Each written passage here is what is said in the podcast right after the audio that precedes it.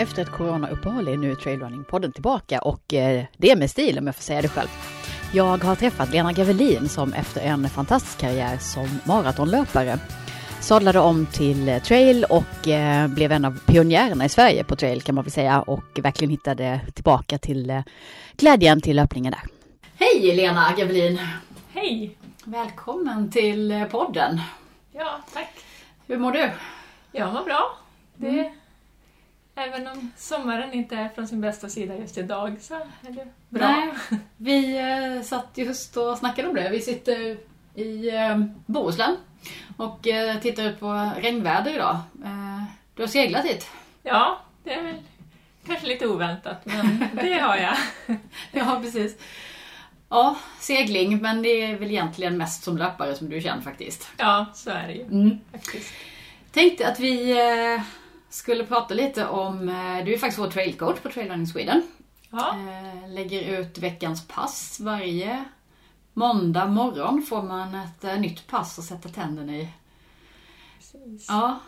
Du, är du utbildad inom idrottsträning på något sätt? Eller? Ja, jag är ju utbildad idrottspedagog och där ja. läste jag liksom mer mot idrott och vuxenhälsa och sådär. Mm. Sen är det väl genom min egen bakgrund och lite ja, mindre, eller andra utbildningar som Friidrottsförbundets tränarutbildning och, eh, men framförallt också är det väl mest eget intresse. Sen har jag ju utbildningen bakom mig men jag tror att den största kunskapen kommer från eget intresse och det man läser själv. Och, ja. Mm. Du kör eh, egna löpargrupper uppe i Östersund där du normalt sett håller till och bor. Ja, precis. Mm. Det har ju vuxit fram också. Eh, ja, blev liksom att man kan jobba med sitt intresse och eh, märkt att det ja, har gått från litet och sen har det blivit mer och från att inte tänka att ja, men nybörjare verkar lite svårt så är det liksom mycket nybörjargrupper nu också så att det är inte så att det är elitlöpare utan är framförallt motionslöpare och nybörjare och ja, nyfikna löpare skulle jag vilja säga. Mm, det låter härligt. Ja. Men berätta, hur, eh, hur går en löpgrupp till? En, en kväll eller vad är det man kör? Ja, nu har jag ju som mest det jag kalla kurser så att jag jobbar mot arbetsplatser framför allt. Det brukar vara okay. både Östersunds kommun och regionen har varit de största kunderna. Mm. Eh, och då har jag, lägger upp det från, beroende på vad de önskar, upp till tio tillfällen, det brukar vara mest åtta till tio tillfällen. Eh, och då lägger jag liksom upp det så att eh, vi gör någonting nytt varje gång så att det liksom, man ska, de, min tanke är att de ska lära sig någonting utav det hela tiden och sen får de med sig material efter passet så att de kan ta med sig för sin fortsatta träning. Hur då? Vad då för material? Ja, det är hur passet har sett ut och varför vi gjorde det och hur man kan eh, variera det det är väl ungefär som, ja, som jag lägger upp veckans pass, att om vi kör ett pass och säger varför har vi gjort det här och vad vill jag uppnå utav det och hur kan jag variera det passet. Mm. Så vi går ju liksom att jag gör allt från korta intervaller, långa intervaller, springa platt, springa backe och springa utförslöpning så att man ja, verkligen att de får ut något och lär sig något av, med löpning och träning. Men om man säger att du har ett rent nybörjargäng. Vad är, vad är de vanligaste frågorna och tankarna hos deltagarna då? Eh, ja, först och främst man har, jag har ju fördelen då att ofta har jag ju både en nybörjargrupp och en fortsättningsgrupp. För det första man får göra det är ju kanske att flytta upp några för det är många som anmäler sig nybörjare. Jo, men jag är en nybörjare. Och så förklarar man att ja, men nybörjare då har man liksom inte sprungit i princip utan Eh, utan det är liksom nybörjare och vi börjar med att gå och ta det liksom så att man tar det steg för steg. Och det första man ofta får göra då är att flytta upp några till Jaha, fortsättningsgruppen som, mm. som har nedvärderat eller nedgraderat sig. Ja. Eh, och sen eh, så tar vi det rätt lugnt och jag har sagt det att varje pass så börjar vi med att gå och, för att komma igång men sen är det ju liksom ändå en löpgrupp så att vi ska Målet brukar jag ha att man ska klara av att springa fem kilometer när kursen är klar. Mm. Och även där liksom gå igenom både korta intervaller och då blir det kanske kortare än Ja, och de långa intervallerna blir inte jättelånga men liksom ändå att man varierar träningen och lär sig. Med, det blir mycket teknikträning då också. teknik, ren löpteknik, ja. klassisk friidrotts... Eh, eller? Ja, inte klassisk friidrott skulle jag nog inte säga. Jag är ingen klassisk friidrottare egentligen. Nej. Utan det är liksom mer principen att liksom man ska tänka, ha energin framåt, hur du rör armarna. Det är inte mycket löpskolning just Nej. det, utan även om vi gör lite sånt också. Men mer liksom, ja, när vi springer backe, vad ska jag tänka på då? När jag springer utför, vad ska jag tänka på då? Mm. Eh, när man går över, framförallt för nybörjare, när man går över från att gå till att springa, till exempel just det att när man går så kanske man sätter i hälen och tar längre steg och att liksom då till att springa, att man ja, nästan kortar ner steget blir ju känslan liksom att man, ja, liksom mer basic egentligen. Mm. Men om man då som nybörjare vill, eh, ja, men vill springa trail, vad, är, vad, ska man, vad ska man inte göra? Finns det någonting som lätt blir fel? Eh, ja, en sak som man upplever det är ju liksom om man säger att man ska springa, ja men då måste man springa hela tiden. Eh, det är ju faktiskt så när man springer trail att vissa sträckor går man. Mm. Alltså, dels kanske är så tekniskt att man känner att man måste gå och ibland blir det så brant uppför så att man går och att liksom, ja, men det är inte fel. Det blir liksom, har du pulsen uppe så har du bra träning ändå. Men mm. att man liksom springer liksom det där. Och sen det klassiska felet att man eh, går ut för hårt eller tänker att man ska springa så långt från början. Att verkligen liksom tycka att några kilometer är bra. Mm. Eh, så att man inte liksom tar på sig för mycket från början. Att det ska vara kännas roligt och kanske just det att efter jag kom in från ett pass så ska jag vara sugen på nästa och inte känna att det var så jobbigt och, och, och ha ångest inför nästa för att det var så jobbigt. ja. Du, eh, vi sitter ju här i, eh, ja, det är augusti, nådens år 2020, om det nu är nådens år det här eller vad det är. Eh, jag har haft ett coronauppehåll i min eh, podd på ganska lång tid för jag har varit alldeles för feg för att våga träffa någon egentligen. Men hur har coronapandemin påverkat dig? Ja, det har väl påverkat lite grann. Det har ju gjort, ja, I våras så hade jag ju några grupper, men det var ju fördelen där med just löpning, att man kan träffas ute och att mm. vi hade lite restriktioner att, eh, ja, att vi bara träffas ute och att vi avslutar ute för annars brukar jag kunna gått in och haft lite teori också men vi gjorde liksom allt utomhus. Och sen att jag drog ner liksom på grupperna lite grann, att det inte skulle vara för många i varje grupp. Så vi, och jag jobbar ju mest med, så det är ju fördelen nu att jag ju alltid jobbar mest med mindre grupper för att kunna liksom mm. se alla och att alla ska känna sig sedda. Mm. Men vi drog ner det ännu mer så vi var ju liksom max 15 i varje grupp sen har det ju inte varit lika... Eh, vad ska jag säga, vi har inte haft kanske lika mycket, eller jag säga. Jag har inte haft så jättemånga grupper så heller eftersom det är eh, arbetsplatser. Men jag har mm. inte sökt för att få fler grupper heller i och med att det ja. var liksom det som var redan bokat innan det här blev. Mm.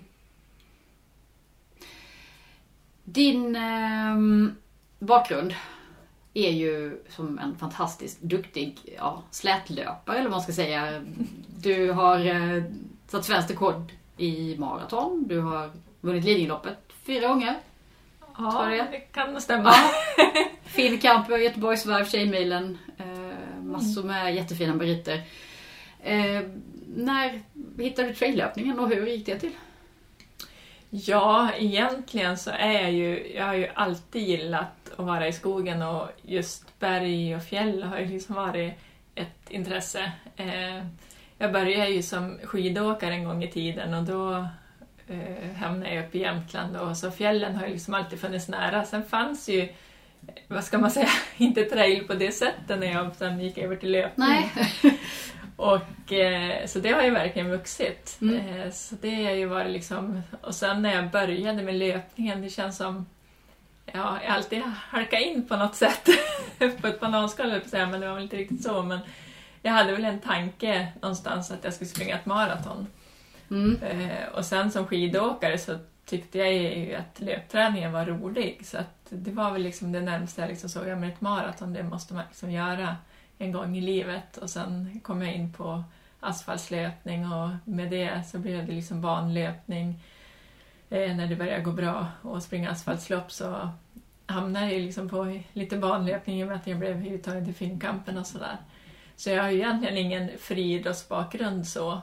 Och sen när jag höll på där så då kom jag liksom, ja men jag alltid gillat att vara i bergen och springa. Så när jag fick höra talas om Swiss Alpin till exempel, det var ju liksom mm. det enda som man visste om då. Ja. Eller hörde talas om här i, i Sverige. Liksom, Var är vi någonstans? Vi är runt 2000? Ja, precis. Eller, ja. Ja. Mm.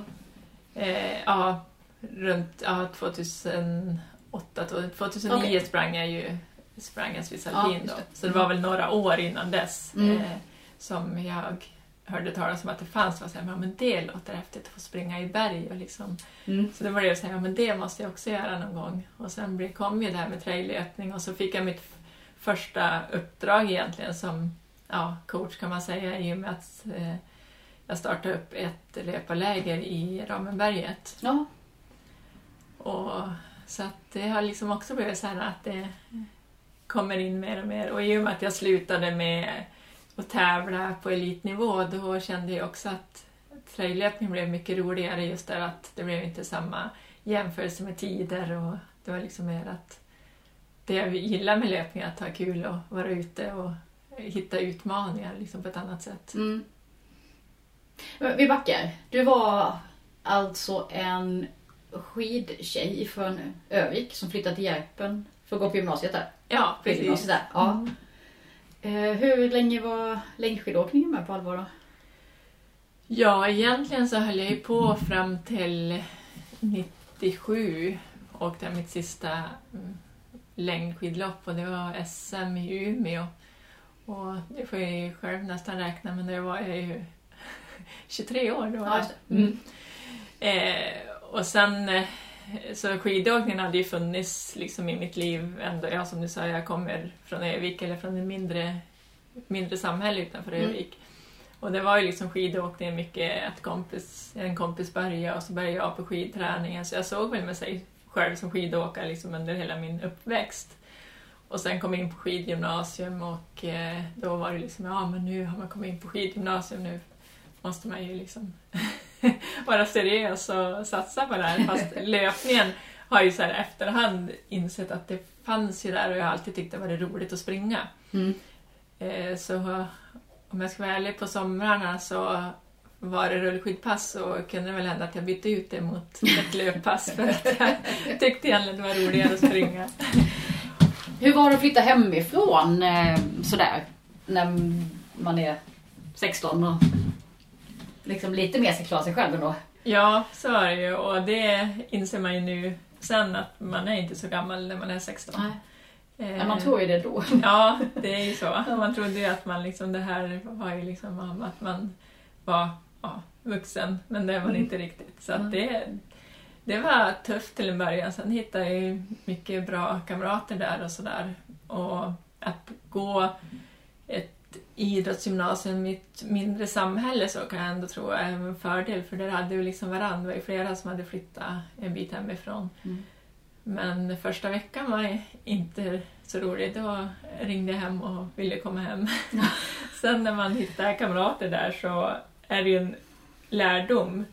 Fast eh, det är väl, i efterhand inser man ju också att man inte var så gammal. Så för mig blev det väl mycket det här att Eh, I och med att man kom in på skidgymnasiet så kändes det som att ja, men nu måste jag prestera och visa att jag är värd den här platsen och så. Så för mig blev det ju för stort steg, både med träningen och flytta hemifrån och allt hände samtidigt. Mm.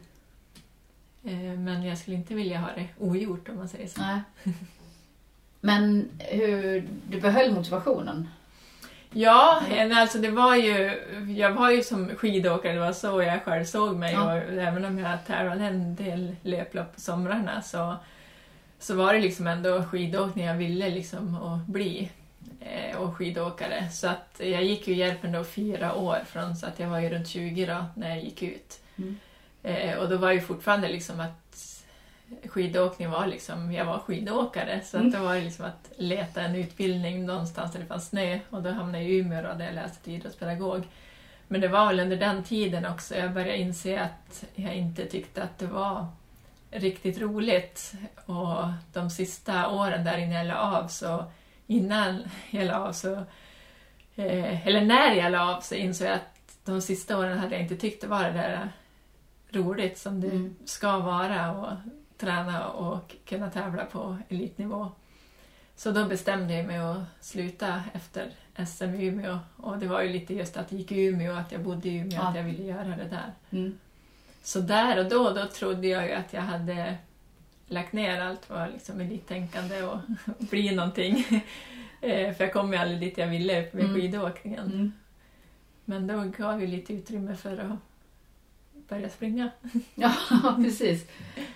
Drog det igång direkt? Eller fick du någon typ av paus däremellan? Nej, det gjorde jag väl egentligen inte utan jag... Eh, ja, det var ju som sagt 97, sen sprang jag i mitt första maraton 2001.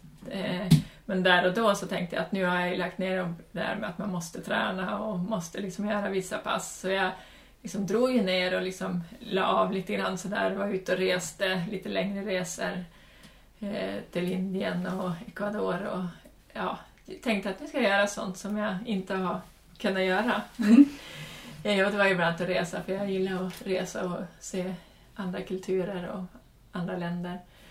Eh, men eh, träningen fanns, jag insåg väl att jag tycker, alltid tyckte det var roligt att träna, så den fanns ju ändå där. Mm. Men då blev det liksom lättare att hålla på med löpning och det man kan göra i stort sett man finner sig. Men det var ju inte så att jag kände att jag måste träna, så under de här resorna så var det ju ofta jag inte tränade på någon månad och sådär mm. för att det inte gavs utrymme.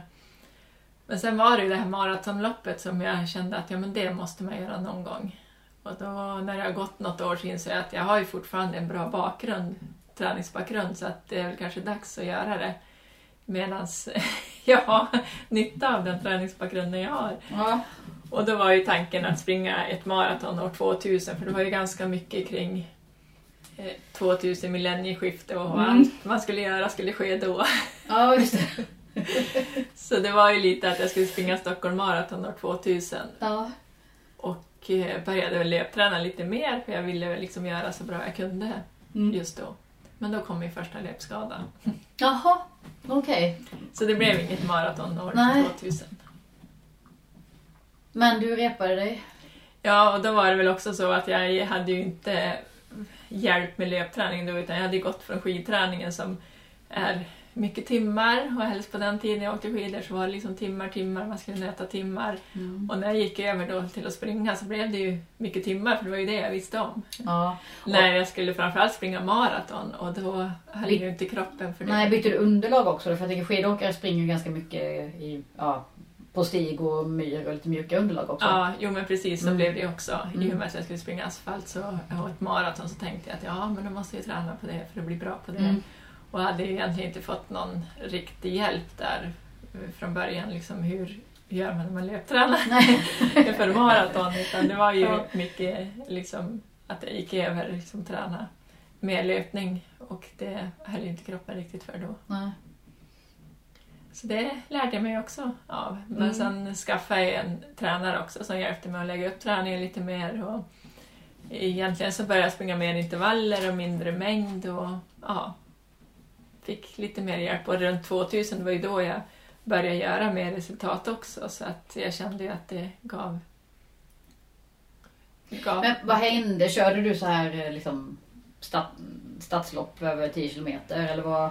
Ja, och det hade jag gjort innan ja, också okay. mm. eh, faktiskt. För det fanns ju mycket mer lopp då också, så här som ja, Tjejmilen Högkusten eftersom jag var i Övik. Mm. Det var lite av de där första loppen jag kommer ihåg och det gjorde jag ju även som skidåkare. Ja, eh, så jag har faktiskt någon artikel hemma hos mamma och pappa när jag bläddrar i tidningsurklippen när jag fortfarande är skidåkare som det står någonting att Lena har nästa eh, löpar talang eller så, men jag såg aldrig ah, det för jag var ju skidåkare mm. som sprang. Och sen Just.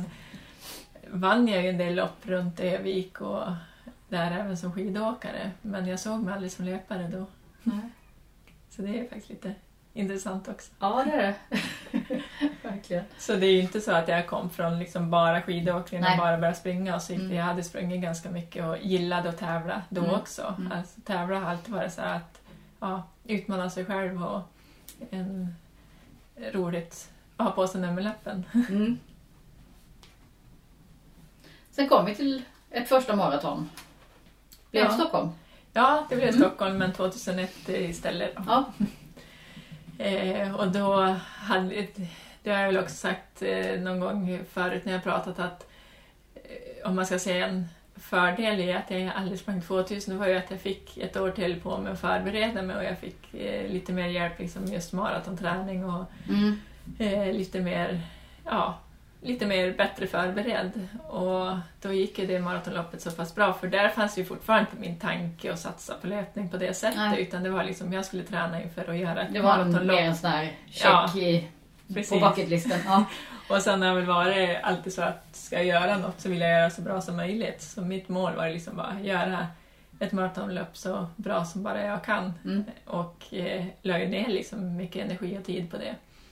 Och så gick det ju bra på lopp inför det också så att tanken hade väl ändå börjat liksom komma lite grann men det var väl när jag hade sen sprungit maratonloppet jag kände att ja, men det här vill jag satsa på och se om jag kan bli ännu bättre. Mm. Minns du vad du hade för tid på den första? Ja, 2.35. Oj. Och det var väl det som gjorde att ja. jag ville fortsätta och se hur bra det kunde gå. För det är ju en tid som jag tänker gav ganska mycket uppmärksamhet också väl då? Ja, det gjorde ju det, för det ja. var den bästa maratondebuten som någon svensk tjej hade gjort och ja. sådär. Så att, eh, Exakt. Det, det blev och blir liksom det, när det ger också en endorfinkick att få uppmärksamheten och mm. ja, just det här, vad ska det här bli? Liksom, då blir man, ja men det måste jag ju ja, liksom rida på det här och liksom ge det en chans. Eh, kom det beslutet snabbt att satsa eller hur? Ja, men det gjorde det. Mm. För det hade ju även gått bra på halvmaraton och så innan och liksom 10 kilometerslopp och sådär. Mm. Så då kände jag väl att ja, men det här vill jag satsa på. Och den säsongen gick ju väldigt bra jag, jag vann Tjejmilen på hösten och kom med till Finnkampen första gången den hösten också. Så att, eh, då liksom var det som att det här måste jag ge en chans. Så det liksom flöt ju på då. Mm. Hur var det att komma in i ett eh, landslag sådär? Ja, det var ju också lite speciellt. Helst för mig som inte hade någon friidrottsbakgrund egentligen. Mm. För jag var ju liksom skidåkare och så hade löpningen liksom kommit in i bilden mer och mer. Och mm. sen var det liksom maraton och då var man ju liksom inte just i den friidrott, så jag var ju aldrig på friidrottsbanan och tränade med friidrottarna. Utan det var ju mycket egen träning och jag tränade liksom för mig själv och fick lära mig liksom av andra hur jag skulle göra och sådär. Mm. Så första gången jag kom med i landslaget var ju väldigt speciellt för jag hade ju egentligen inte sprungit bana innan dess. Och sen blev jag uttagen till Finnkampen. Eh, så jag kommer ihåg min första tanke då när jag blev uppringd och hade kommit med så var ju min första tanke att nej men det går ju inte för jag har sprungit till bana, jag har ju bara sprungit asfaltlopp. Liksom. Nej, det, nej, det hade jag inte. nej. Absolut inte. Nej. Så att eh, det var ju min första tanke att nej men jag springer inte bana så det mm. går inte. Men mm. då var det väl min tränare också som pushade mig och tyckte att ja men nu är du uttagen, liksom, du måste ju ta chansen. Och är ju, och det har jag väl också haft med mig sen att man tänker att ja, det är ju faktiskt andra som har tagit ut det utan det är liksom ja, då får de stå för det. Ja, det så det så. blev ju att jag tackade ja och fick testa att springa några varv på bana samma vecka för jag, jag hade verkligen inte tävlat på bana innan Nej. dess. Så det var speciellt. Var det i Stockholm eller var det i Finland? Det var i Stockholm. Mm. Nu måste jag tänka, det var i Göteborg. Ja, ja, ja, just det, det. Det stämmer. Det, mm, det var ju mest i Göteborg. kan det ju också vara, ja. Mm. Okay. Eh, så mm. det var på Ullevi i Göteborg. Mm. Och, eh, och komma med i landslaget just den tiden ska jag väl säga var väl, är väl också en sån där som man kan se tillbaka till och vara tacksam över att mm. man fick vara med under den tiden för att det, det var ju då det gick så bra. Liksom, exakt, det var en riktig storhetstid med Carolina Klüft och Kajsa Bergqvist och Stefan Holm och Christian Olsson. Alla ja. de höll på väl? Ja, precis. Ja, med flera. Ja, mm. så att det var ju liksom en väldigt bra stämning och det var ja. liksom... Ja, det var liksom, man kände det här att framgång gav framgång. Ja. Att alla också pushade varandra och liksom, man kände sig välkommen direkt. Det, ja, häftigt. Tycker jag. Mm. Det är ett gott betyg. Ja. Ehm, för det är inte helt enkelt att bygga ett lag av individuella idrottare som ju friidrottarna verkligen är. Nej, Om nej. man får det... generalisera så är det ju så. Ja, nej men så är det ju. Och jag blev väl också fascinerad just där och Sen är det ju olika vad man tycker om olika ledare och tränare men mm. för mig så var ju, det var ju Ulf Karlsson som var förbundskapten då. Och jag tyckte att han var väldigt bra i alla fall att ta hand om också de som kom ny. Mm. Första lägret vi var tillsammans var ju också så här och jag tror han var han som införde mycket av det att man blandade sig, det var inte kastarna för sig och hopparna för sig och sprintrarna för sig utan vi, vi var ett lag. Mm. Eh, och vi, man kunde liksom bo tillsammans när, på läger liksom med någon, över de här gränserna om man säger så. Och jag ja, tror att det gav mycket också av den här teamkänslan. Och att han var väldigt duktig på att lyfta fram för med tanke på att man var med under den här tiden, man var ju inte stjärnan precis. Nej. Men, men han var väldigt duktig på att lyfta fram varje individ och liksom se, eh, det behövde inte vara att man eh, vann VM-guld men man kanske gjorde ett personbästa och mm. då var det lika bra. Liksom. Lärde du dig av de andra i, i friidrottslandslaget som höll på med andra grenar och så? Ja, men det tycker jag också. Mm. Absolut. Och det har jag sagt efteråt också. Att jag tror att det skulle vara nyttigt för fler idrotter att blanda sig så mm. som det egentligen är i ett friidrottslandslag. Mm. För eh, från till exempel jag, jag då som maratonlöpare till en kastare är ju väldigt stor skillnad på hur man tränar och mm. eh, ja, hur man ser ut och eh, ja, egentligen det mesta. För ja. vi är helt olika typer av idrottsmänniskor egentligen, ja. samtidigt är man i ett och samma lag. Mm. Och det har jag tänkt på mycket sen efteråt också, även, även då reflekterar man lite grann att man ifrågasätter varandra lite grann. Alltså mm. varför är långdistanslöparen ute och springer på morgonen? Och så fick man liksom bara, ja varför är vi det egentligen? och å andra sidan så frågar man dem, ja men hur mycket konditionstränar ni liksom för att ni är ändå på arenan lång tid? Bara, ja, det insåg man att ja, det var ju inte till att jämföra med oss, men att man kunde liksom lära sig varandra och framförallt ifrågasätta varandra lite grann. Mm. Och det blir ju att man ifrågasätter sig själv och inte bara gör det liksom för att, utan att man, ja, varför gör vi det? Och liksom, mm. Så det tror jag skulle fler ha nytta av, att vara tillsammans på ett annat sätt fast man inte håller på med samma gren. Ja. Mm. Intressant. Du eh, satte ett svenskt rekord i maraton några år senare. Ja. 2.30, 39. Mm. 2003 var det va? Mm, det stämmer. Eh, hur är det att slå ett svenskt rekord? Ja, det var ju magiskt just där och då. För mm. det var ju VM också, mitt första stora mästerskap.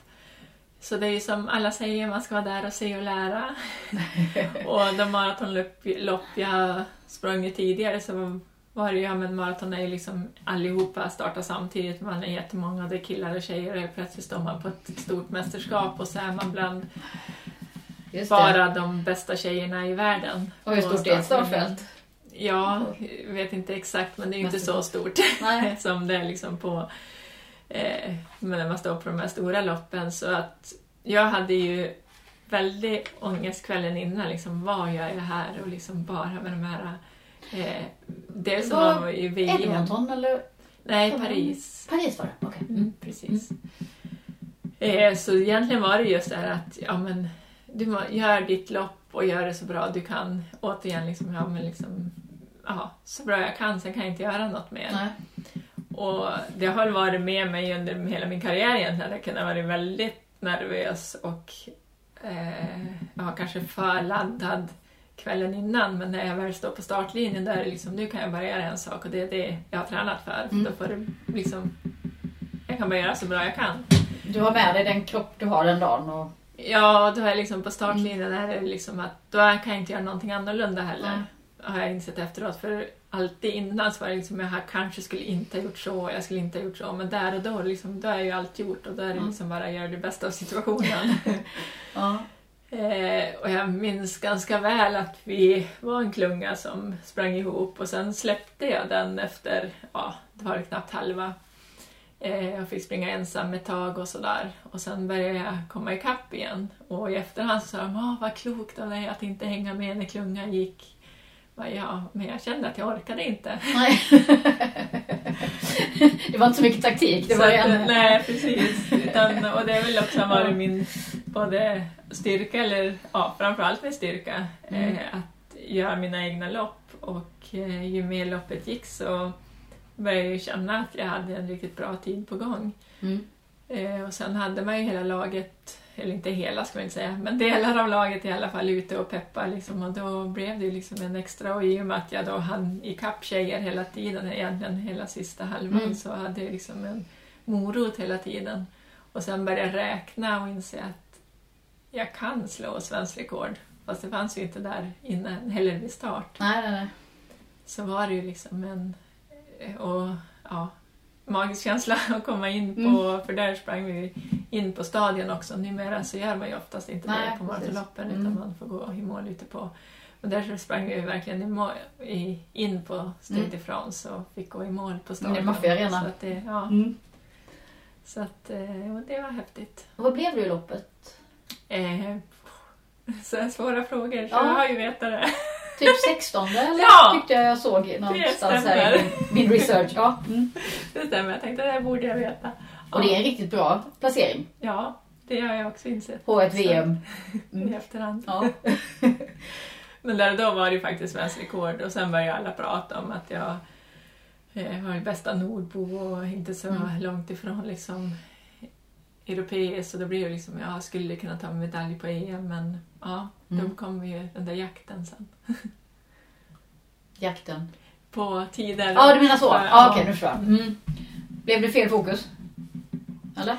Ja, lite tror jag för att sen, först och främst var det ju 2.30 och 39. Ja. Eh, det var ju liksom då var det bara ett att jag skulle vara under 2,30 mm. och min första tanke var ju liksom att jag skulle vara första svensk tjej under 2,30. Eh, och då blev det väldigt mycket jakt på tider. Mm. Och man tänker att ja, 2.30-39 det är en sekund per kilometer. Mm. Det kan ju inte vara så svårt. och det hade nog inte varit så svårt om man liksom hittar det där precis den dagen man har rätt form. Mm. Så mm. tror jag, och rätt bana och allt det där så tror jag att jag hade kunnat göra det. Men det gäller ju att ha rätt form på den dagen man har tänkt att springa ett maratonlopp. Jo, precis. så att det ja. blev mycket jakt just det där och sen kvalificera till mästerskap för att ja, få en ännu bättre placering mm. på ett, på ett eh, Europamästerskap och sen när det inte är samma världs konkurrens mm. då, liksom och så. Så det blev väl mycket en jakt där som sagt. Ja. Att det var liksom mer, mer fokus på tider och placeringar och kvalificera till mästerskap än eh, liksom det jag börjar med och bara liksom att det flyter på och man förbättras hela tiden. Mm. Och liksom, eh... Det blir en annan fas i karriären på ja. vis. Ja. Hur eh, hanterar du den då? Ja men eh, Först var det liksom just det, för det gick ju fortfarande bra och liksom jag tyckte fortfarande att det var roligt. Och just det att man eh, var med i landslaget och eh, fick vara med i EM, EM i Göteborg, även om inte det var någon eh, kanon, den där, fick inte den där kanondagen där, äh. men det var ändå liksom en upplevelse att vara med på ett EM på hemmaplan. Mm. Men strax efter det började jag väl komma där att jag kände att det var alldeles för mycket just det här fokus på tider och eh, hela tiden jakten på att kvalificera sig och så kom skador till och från så att det var mm. mycket det här att komma tillbaks. Mm. Och från att ha gjort ja, 2.35 på min första mara så var det liksom hela tiden att jag eh, jag sagt någon gång och så var det ju att under, alltså sprang jag på över 2.38 liksom, då var det ett dåligt maratonlopp. Då var det mm. liksom, I min värld så var det värdelöst. Ja. Eh, och med den pressen och liksom just den där jakten så började jag ju känna att känslan där att det var bara roligt försvann väl mer och mer. Mm. Hittade du tillbaks till den? Ja, det var ju det. Eh, då det nästan trailern kom in ja. första gången, eller vad man ska säga. Eh, för det var då jag började känna att jag måste ha en ny utmaning, ungefär som maratonloppet var 2000. Ja. Så behövde jag liksom något nytt. Liksom. Mm. Och det var då jag bestämde mig för att springa Swiss alpin eftersom ja, det hade jag hört talas om några år men det passade liksom inte riktigt in i en maratonträning att träna mot ett, ja det är ju 79 kilometer och i Alperna och lite mer höjdmeter än en platt maratonsträcka. ja, precis. Men då kände jag väl att nej, jag kan liksom inte fokusera på maratonlöpning om inte jag får en ny utmaning mm. och göra någonting som jag brinner för. För det var väl mycket det sagt i löpningen att det måste vara roligt och jag måste själv brinna för det. Liksom, även om det kanske inte hela tiden är exakt maximalt rätt utifrån vad det är jag vill bli bra på. Nej, precis. Eh, så jag bestämde mig då för att springa eh, Swiss Alpin 2009. Mm. Och, eh, så det var väl första kontakten jag kom egentligen med traillöpningen och då var det ju återigen att göra det så bra som möjligt så att då från att springa mest asfalt så började jag ju leta upp lopp liksom i svenska fjällen och ja, ändå liksom försöka förbereda mig för att klara av det. Mm. Så då blev det liksom lite mer... Men du avrundade egentligen din så att säga maraton Ja, det karriär, ju... eller fanns den kvar lite i att Det jag kanske återvänder? Det fanns kvar i tankarna Ja. för det var i EM i Barcelona 2010 Mm. och då var jag med i det de kallar för Team Barcelona, att vi skulle ha ett bra lag, lag Mm. till Barcelona 2010. Just det. Så maratonträningen fanns ju där fortfarande då för Mm. att jag var ju liksom uttagen att om man säger, vara med i det Just det. teamet, eller jag var med i det teamet Mm. och eh, hade ju ändå som mål att springa i Barcelona 2010. Mm. Men i tankarna så här i efterhand så hade jag väl liksom börjat tänka att maratonsatsningen liksom var slut. Okej. Men sen vill man ju liksom inte, när man hade börjat gå in i den där eh, att man skulle springa i Barcelona 2010 så var det liksom att jag kunde, kunde inte hoppa av det. Nej, okej. Men sen efter eh, Barcelona då, då kände jag att jag var klar. Mm. Och sen gick inte det loppet bra heller så att det var väl också som bidrog till det. Men eh, Swiss Alpine 29 gick desto bättre. Ja, det gick ju riktigt bra. Ja. Och i, när jag ska tänka i efterhand när jag funderat på olika lopp eller liksom, så tror jag ju att så bra form som man var i då så var nog, ja, kanske i Paris då också var i bra form men det var nog en av mina bästa liksom, lopp jag prickade formen på. ja, det var så. Ja. Du vann Ja, överlägset eller hur, hur utspelade sig loppet? Ja, jag, i mål var jag ju en bit före men Mm. jag var ju inte, absolut inte först i starten. Eh, Utan det var ju också så här, eh, och apropå det där att tro på sig själv när man står på startlinjen och kvällen innan var ju väldigt liksom vad har jag gett mig in på? För när man, och jag hade ju hamnat på presskonferensen där kvällen innan och så fick man se meritlistan på alla andra tjejerna och det var ju liksom eh, och i Alperna har ju liksom traillöpning funnits längre än vad det har funnits här på det sättet så de hade ju sprungit det ena och det andra loppet över fem mil och höjdmetrar och sådär. Ja, för eh, alltså, jag vet inte, men du hade tränat eh, liksom, för att springa 42 kilometer på 2.30 ungefär. Mm. Det här 78 kilometer, jag vet inte hur lång tid, men i allt, hur lång tid tog det? Måste ta oändligt mycket längre Ja, tid det än två och en halv timme, liksom. tid. Det där borde jag också kunna. Ja. Eh, men ja, så det var ju verkligen så att kvällen innan och så läste jag min meritlista. Liksom, ja, svensk rekord i maraton och trea i Frankfurt maraton och vunnit Stockholm maraton. Liksom bara, men vad gör jag här? ja. så att, eh, men då... Eh, Jonas Bud var ju där Ja, och han hade ju mm. vunnit tidigare. Just det. Mm. Så jag sa väl det till han eh, kvällen innan att liksom, vad gör jag här? Jag, har liksom, jag är maratonlöpare, jag har aldrig sprungit mer än ja, typ 42 kilometer. Mm. Han bara, nej men det är lugnt. För det hade inte jag heller gjort och innan jag vann, typ så. Eh, så då kände jag att ja.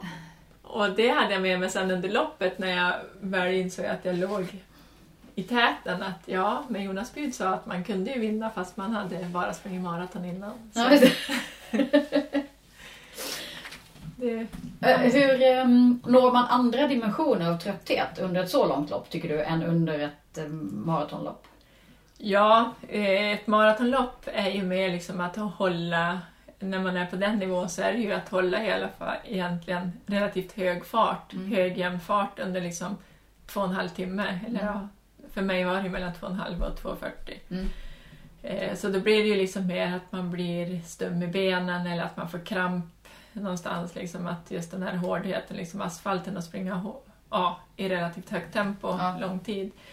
Eh, på ett sånt här lopp så blir det mer tid, att man blir som en annan trötthetskänsla, att man Mm. kanske ska gå slut på energi eller liksom, ja, att det blir liksom en annan trötthet. Mm. Och inte lika där akut kramp eller sådär utan mer att eh, lång, med långsam trötthet mm. och tiden som tar ut sin rätt på ett annat sätt. Fanns det något njutbart i det? Eller var det mer tävling? Nej, absolut. Det var, och det var ju liksom någonting jag hade tänkt på i flera år, att det här vill jag genomföra. Och då var det också liksom just det att det här ska jag genomföra mm. och sen ska jag göra så bra som möjligt. Mm. Och det var ju också eh, något som jag hade fått tips i innan, att ja men de första tre milen eh, är ungefär som Lidingöloppet. Nu var det lite mer kuperat än så, men så där springer många för fort, så ta det bara lugnt de första tre milen för sen börjar liksom, själva loppet. Ja. Så jag, eh, från att ha sprungit liksom maraton då på snitt typ 3.35 någonstans där, mm. eh, så hade jag intalat mig själv att jag skulle hålla fem minuters tempo första tre milen för att liksom ja, hålla ner tempot. Mm. och det var en utmaning i sig att liksom springa och då ja. låg jag ju inte först utan jag var lite längre ner och tänkte att ja men de sa att jag skulle ta det lugnt. Mm. För det kommer sen. Jag hade liksom ingen aning hur reagerar jag efter Nej. tre mil, hur reagerar jag efter fem mil liksom. Ja. Eh, och då kände jag mig fortfarande så stark. Mm. Eh, och sen återigen när jag liksom började plocka folk upp mot berget och liksom kände att ja, men det, här, det här klarar jag ju och att eh, man liksom blir stärkt av det. Och sen, sen är det ju mycket fokus när man vill göra ett lopp liksom mm. bra men jag tycker ändå att eh, jo men visst njutning, man hinner ju njuta lite mer när man springer lite långsammare i alla fall. ja. Eh, så det, det är också en sån här magisk ögonblick som man kan tänka tillbaka på. Ja. Men du, ehm, det här med att träna. Eh, hur viktigt är det i ditt liv? Jo men det, det har varit väldigt viktigt och det finns ju där fortfarande. Men eh, det är väl så också med åren när man har lagt av att det avtar mer och mer. Nu ser jag väl mer att eh, jag tycker att det är roligt att träna så att jag gör det ju för att må bra. Mm. Eh, sen kan jag göra andra saker också utan att få panik över att jag inte kan träna om man säger så. Mm. Eh, sen eh, får jag inte träna på några veckor så visst eh, blir det liksom att nej, men, man vill liksom kunna, kunna träna, eller för min del också gärna kunna springa så länge som möjligt. Mm. Så målet och fokus ligger egentligen på det att kunna springa och gärna långt och länge, mm. så länge jag bara kan. Skador är ju en ehm, ja, nästan en följeslagare för alla som elitsatsar. Mm. Hur har du tacklat det genom åren? Ja, det var väl en av sakerna som gjorde att det inte blev lika roligt på slutet heller mm. i min löpkarriär. För jag eh, slogs mot flera skador egentligen. Under, det började väl första där när jag skulle springa mitt första maraton. Eh, sen gick det ju bra några år tills det blev lite, lite mer jakten på tiderna och det blev mer eh, hårdare intervallträning och sådär. Så fick jag en del löparskador. Mm. Eh, var, jag fick höra någon gång att jag var proffs på alternativ träning och komma tillbaka och där har jag väl att tacka för att jag alltid tyckte det var roligt att träna. Ja. Eh, så att jag hade väl inte så stora problem med egentligen alternativträna, bara jag fick göra någonting. Mm. Och det gjorde att jag kunde komma tillbaka ganska snabbt. Eh, många gånger. Men när det kommer liksom igen och igen, då blev det ju liksom eh, Ja, var det någon, lite... alltså var det något specifikt problem som du hade som du åkte på gång på gång? Eller var det... Nej, egentligen Ni... inte. Utan det var lite så här olika, inga direkt typiska löparskador. Jag hade ju någon stressfraktur. Eh, eh, och efter VM så fick jag en sträckning i baksidan som liksom hängde kvar mm. hela tiden egentligen. Mm. Eh, så den liksom skadan fick jag ju liksom dras med som fick hålla efter, liksom, att det inte fick bli för mycket för att då kom det upp igen. Mm. Eh, så att det var ju lite sådär att man inte... Och det är väl det som är lite elitträning också, att det gäller att ligga på rätt sida. Mm. Och jag halkade ju över några gånger och framförallt när man hade en skada som hängde efter så gällde det liksom att ligga på den nivån som skadan klarar av mm. eh, och inte gå över den. Mm. Så det blev väl också en påfrestning just det där att behöva tänka på det. Att liksom, går jag lite över då kommer baksidan på eh, ja. strejka eller liksom inte klara av det. Kan nagga lite på just den här glädjen. Ja, mm. precis. Mm. Så att, eh, ja, det är ju, man, man har väl, eller alla säger att man lär sig någonting av eh, att vara skadad också, det gör man ju. Mm. Men eh, när det blir, kommer gång på gång så blir det liksom, då tappar man lite av glädjen också. Mm. Sen eh, brukar jag sagt det också att när man har varit skadad, så, eller många gånger, så kände man väl kanske, jag i alla fall, kunde känna att jag var ännu starkare för då hade man alternativtränat och tränat upp svagheter och så liksom kom man tillbaka och kände att nej, men nu är jag ju starkare för nu har jag haft möjlighet att träna upp svagheter. Mm. Och sen, eh, så på det sättet så kunde jag väl ändå tackla skadorna hyfsat bra tills liksom... Så jag slutade egentligen inte med skador, jag slutade väl med att det inte var lika roligt längre och att skadorna kom liksom mer mm. eh, frekvent också då. Vad är det svårast med en idrottskarriär? Ja, det, det är väl just det här att göra det på lagom nivå. Lagom kanske är ett tråkigt ord, men att man håller det på rätt nivå. Att ja. det är lätt att, ja, när det går riktigt bra, ja, men då vill man hela tiden ännu mer och så är det risk, liksom större risk att gå över den här eh, gränsen. Att det blir liksom en väldig balansgång. Samtidigt så vill man ju så mycket så att, eh, att man hela tiden vill mer och mer. Att man mm. liksom kanske hade varit bättre att kunna stanna upp och njuta lite grann också och då kanske man stannar upp och tänker efter lite mer också. Och lyssnar lite mer på kroppen också. Mm. Det är lätt att säga men väldigt svårt när man är där för man vet att man kanske har lite ont men liksom just det där att man gärna går över gränsen för att man vill så mycket. Mm. Och det är ju också på ett sätt det som är eh, som man måste ha. Mm. Man behöver ha ett jättestarkt driv. Ja, precis. Mm. det är det jag menar, mm. det svåraste eller ja, med en idrottskarriär är just där, nog där att hålla sig på rätt sida om man är gränsen. För ja. samtidigt så vill man ju tänja på den lite grann också hela tiden. Mm. Så att det är liksom, och alla, eh, även om jag som nu att jag jobbar som coach och liksom att man har lärt sig mycket under ja, all den, och alla år man har tränat så så är ju alla, alla är olika. Att det går ju liksom inte att kopiera något eller säga att så här ska du göra exakt heller. Utan man måste ju på något sätt också testa själv lite grann. Mm. Skulle du ge något råd, säg till en ung löpare som är i början av sin karriär? Vad skulle det vara i så fall? Ja, men det är nog just det där att stanna upp och reflektera lite mer ibland mm. njuta av när man nått det målet eller kanske överträffa sig själv. Liksom. Eh, och det säger väl kanske alla, så det är liksom en sån att glädjas lite mer ibland och stanna upp och njuta för att det är lätt att man bara ser framåt hela tiden mm. och glömmer bort att uppskatta liksom, de gånger det går riktigt bra. Mm. Eh, och, och så lyssna på kroppen liksom, för att det går inte att jämföra sig med andra till exempel, liksom att den kan träna så mycket eller liksom att, man, att man hela tiden lyssnar på sig själv och sin egen kropp. Mm. Man lär sig det. På tal om det så är ju det här med kost också en faktor mm. Eh, för konditionsidrottare och löpare. Mm. Eh, vad har du för tankar kring det? Är det liksom är det extra tufft att vara tjej i det där eller är det liksom lika tufft för både killar och tjejer inom... Eh, alltså jag menar, det är ju en, det är en extrem prestation som ska utföras till exempel ja. som maratonelitlöpare. Ja. ja, alltså det, det är väl också en sån här att man ska tipsa, tipsa om eller säga att, att när man tränar sån konditionsidrott och som långdistanslöpare att man kan äta mer än vad man tror. Ja.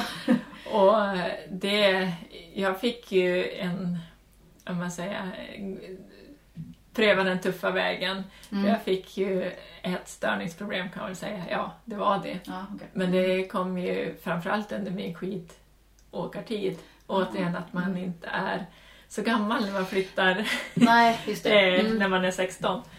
Eh, så gick jag ju ner väldigt mycket i vikt som skidåkare just för att jag skulle vara så duktig. Mm. Eh, har man kommit in på skidgymnasium och ska prestera då måste man vara duktig och kanske inte ta den där extra fikan eller ta mm. extra portionen mat, för jag har alltid varit en sån som varit lång och smal, så jag har fått höra sen jag var liten att kan du äta så där mycket som är så där smal? Mm. Och då kände jag väl att ja, men nu måste jag vara duktig. Och Mm. så liksom tränade jag mer och la inte på mer mat utan jag kanske snarare drog ner sånt som ansågs onyttigt. Ja. Och så här i efterhand så insåg jag att det var ju det här onyttiga jag hade behövt. Ja. Alltså ta den där extra bullen eller Mm. fikat eller eh, ja, absolut liksom inte Sen ska man inte hoppa över måltider för det, men liksom just det där att man ska vara så nyttig när man ska Mm. prestera eller vara toppidrottare. Men håller du på med konditionsidrott och tränar mycket, många timmar, eh, då kan du vara ganska onyttig. Ja. Ja, nej, men alltså det här är ju en jättesvår och jätteviktig fråga, men det, ja. Mm. Sen ska man ju liksom, och sen att äta liksom mycket mat, att liksom Mm. strunta i, liksom, återigen liksom strunta i vad alla andra säger och tycker liksom att ja men vara trygg i att man kan äta mycket. För som tjej Mm. så får man kanske höra det och inte med att det behöver vara mot illvilja men gud vad du äter mycket och liksom Ja, kunna stå precis. för det. Att, Mm. Ja men jag kan det för att jag tränar. Mm. Ja. Eh, och inte som jag då när det var liksom som sämst att oj då, nu jag kanske måste skärpa mig. Ja. att liksom Mm. inte...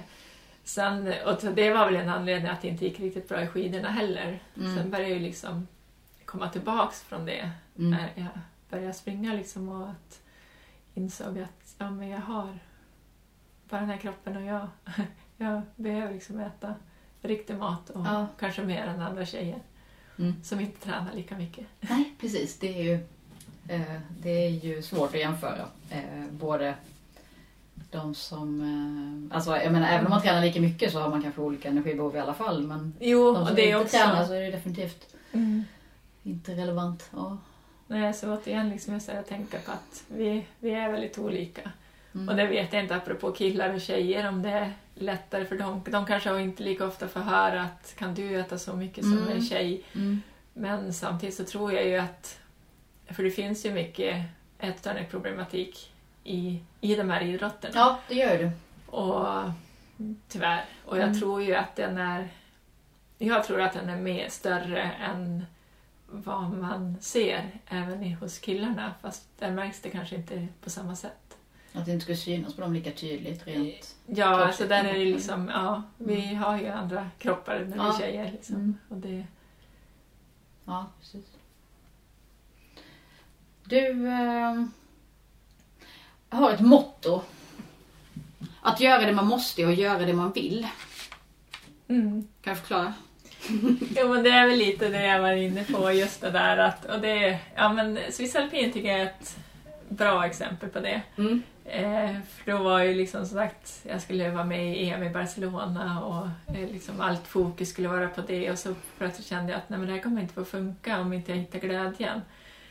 Eh, och bestämde för att springa Swiss Alpin och det kanske inte sågs liksom så perfekt för, dem, eh, för alla ledare eller tränare att ja, men det är väl inte så bra om du ska springa Vad håller tjejen på med? Ska man börja springa i berg? Ja, precis. Ja.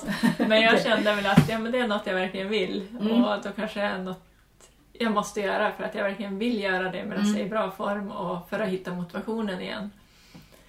Eh, så om det finns några måsten, sen ska det inte finnas några måsten, men då är det väl att man måste göra det man vill och det man själv brinner för. Mm. Och inte bara liksom lyssna och anpassa sig efter andra. Mm. Mm. Kloka ord. Det känns som det... Vi avrundar här för det var...